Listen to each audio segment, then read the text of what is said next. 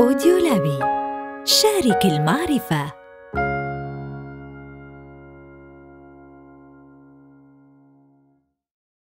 تعرف الشخصية بأنها مجموعة من الصفات والمشاعر والأفعال التي تشكل وتحدد طبيعة فرد من الأفراد، وهي صفة وعنصر رئيسي في الإنسان يخلق معه، ويكتسبه وراثيا ويعدله ويطوره ويحسن منه من خلال تجارب حياته المختلفة.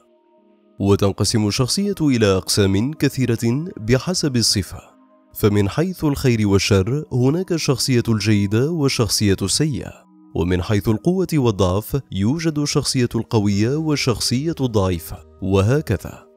كما وتعرف بأنها التصرف على نسق ونمط واحد وفقا لمعتقدات الفرد وتصرفاته.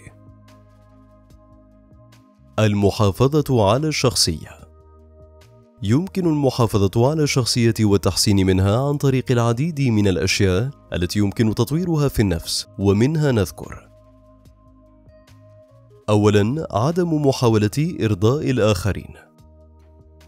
إن فعل الأشياء التي يريد الناس من الشخص أن يفعلها ويتوقعونها منه، وإهمال الأشياء التي يريد هو شخصياً أن يفعلها ويرغب في تحقيقها، قد يؤثر سلباً على شخصيته. فلا يعود باستطاعته المحافظة على شخصيته الحقيقية. ولهذا تحديدا فإنه من الخطأ محاولة إرضاء الآخرين باستمرار وتحقيق رغباتهم وحسب. فمع أن إرضاء الناس شيء جميل ومطلوب إلا أنه يكون بقدر معين. وعلى الشخص أن يعرف متى يضع حدودا ويتوقف عندها فلا يظلم نفسه من أجل شخص آخر بل عليه أن يفعل الأشياء التي ترضي نفسه هو في المقام الأول بالإضافة إلى هذا فإنه يجب على الإنسان ألا يخلق حول صورته في أذهان الآخرين وفكرتهم عنه. ثانياً اكتشاف النفس. يجب على الإنسان أن يحاول باستمرار اكتشاف نفسه ومعرفة خباياها لكي يعرف الأشياء التي يريدها والتي لا يريدها من الحياة. ويتم هذا عن طريق التصرف على السجية من دون أي تكلف، فالعفوية تسمح للإنسان أن يخرج شخصيته الحقيقية، وأن يجعلها بادية أمام عينيه مما يمكنه من قراءتها وتفحص الأمور التي لا يعرفها فيها. وكلما ازدادت معرفة الإنسان بنفسه ازداد تمسكه بشخصيته الحقيقية، وابتعد عن محاولة تغييرها لأسباب لا تخصه.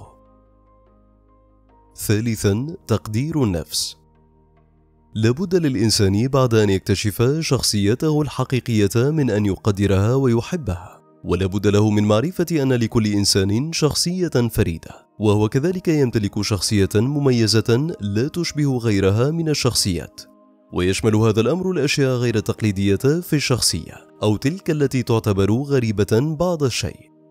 فيجب عليه أن لا يخجل منها أو يخبئها بل عليه أن يتقبلها ويحبها ويعرف أنها إحدى العلامات المميزة له.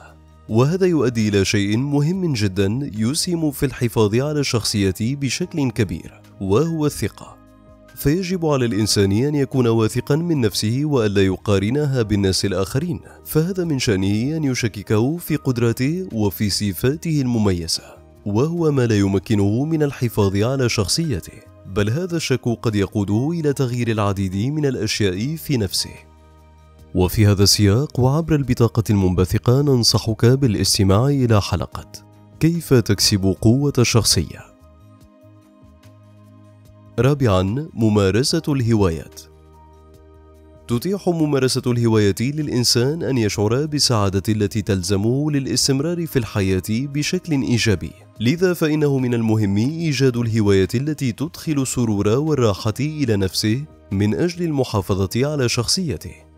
وهذا من شأنه أن يجعل من شخصيته صلبة وغير قابلة للتأرجح، فللهواية دور كبير في صقل شخصيات الناس وتعريفها. خامسا المعرفة يستطيع الشخص المحافظة على أفكاره ومعتقداته التي تكون شخصيته من خلال التأكد من المعلومات التي يستند إليها في حياته، وهذا يكون عن طريق طلب المعرفة وتحري الحقائق المختلفة في الحياة.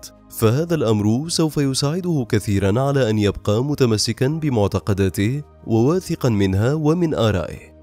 ومن المهم أيضا أن يفهم الشخص هذه الحقائق والمعلومات بشكل جيد تماما مما يتيح له أن يكون نظرة تجاهها ومن ثم يدافع عنها ويناقشها بوضوح سادسا تجنب اللطافة الزائدة قد تحصل العديد من المواقف المختلفة في حياة الإنسان والتي قد تتطلب منه التوقف عن كونه لطيفا وأن يدافع عن نفسه أو عن غيره أو عن بعض الأفكار.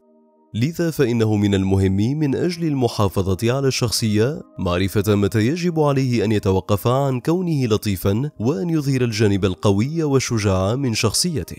وهو ما سوف يساعده على التحكم في المواقف ومنع خروجها عن السيطرة وبالتالي التحكم في شخصيته. وفي هذا السياق وعبر البطاقة المنبثقة ننصحك بالاستماع إلى حلقة ثماني استراتيجيات لإتقان فن الصمت. أهمية شخصية. لابد لكل شخص من أن يمتلك شخصية تميزه عن غيره، وتكمن أهمية الشخصية في التالي: اولا تجعل الشخص مثيرا للاهتمام. إن أبرز ما يميز الإنسان هو الشخصية فالشخصية هي الأساس لمعرفة الناس. فإذا كان المظهر يعطي انطباعا اوليا للآخرين فإن الشخصية هي التي يدوم أثرها وتأثيرها. ومن خلالها يقرر الفرد إذا ما كان يريد الاستمرار مع شخص ما أم لا فالشخصية هي الشيء الوحيد الذي يجعل الشخص مثيرا للاهتمام وهي ما تجذب انتباه الآخرين له. ثانيا تحسن طبيعة العلاقة العاطفية. تعمل شخصية الإنسان على جذب انتباه الناس له، فلن يعجب الشخص الذي يريد أن يكون شريك حياة شخص آخر بالمظهر أو بأي شيء خارجي. بل إن الشيء الأساسي الذي سوف يبحث عنه هو الشخصية الجذابة والجيدة. وعلى العكس فالشخصية غير الجذابة وغير المحببة تنفر الناس فورا وخاصة في العلاقات العاطفية. فهي الأمر الوحيد الذي يؤدي إلى استمرار العلاقة أو انتهائها. لذا فإن الأشخاص ذوي الشخصيات الجيدة والذين يعملون على تطويرها والتحسين منها وبالتالي التحسين من سلوكياتهم. يحظون بعلاقات عاطفية أفضل. ثالثا النجاح المهني.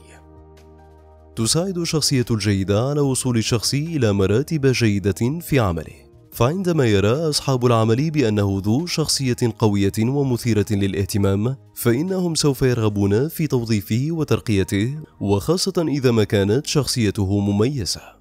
وهو ما يزيد من فرصته في بلوغ أهدافه وبلوغ النجاح المهني والتطور على الدوام.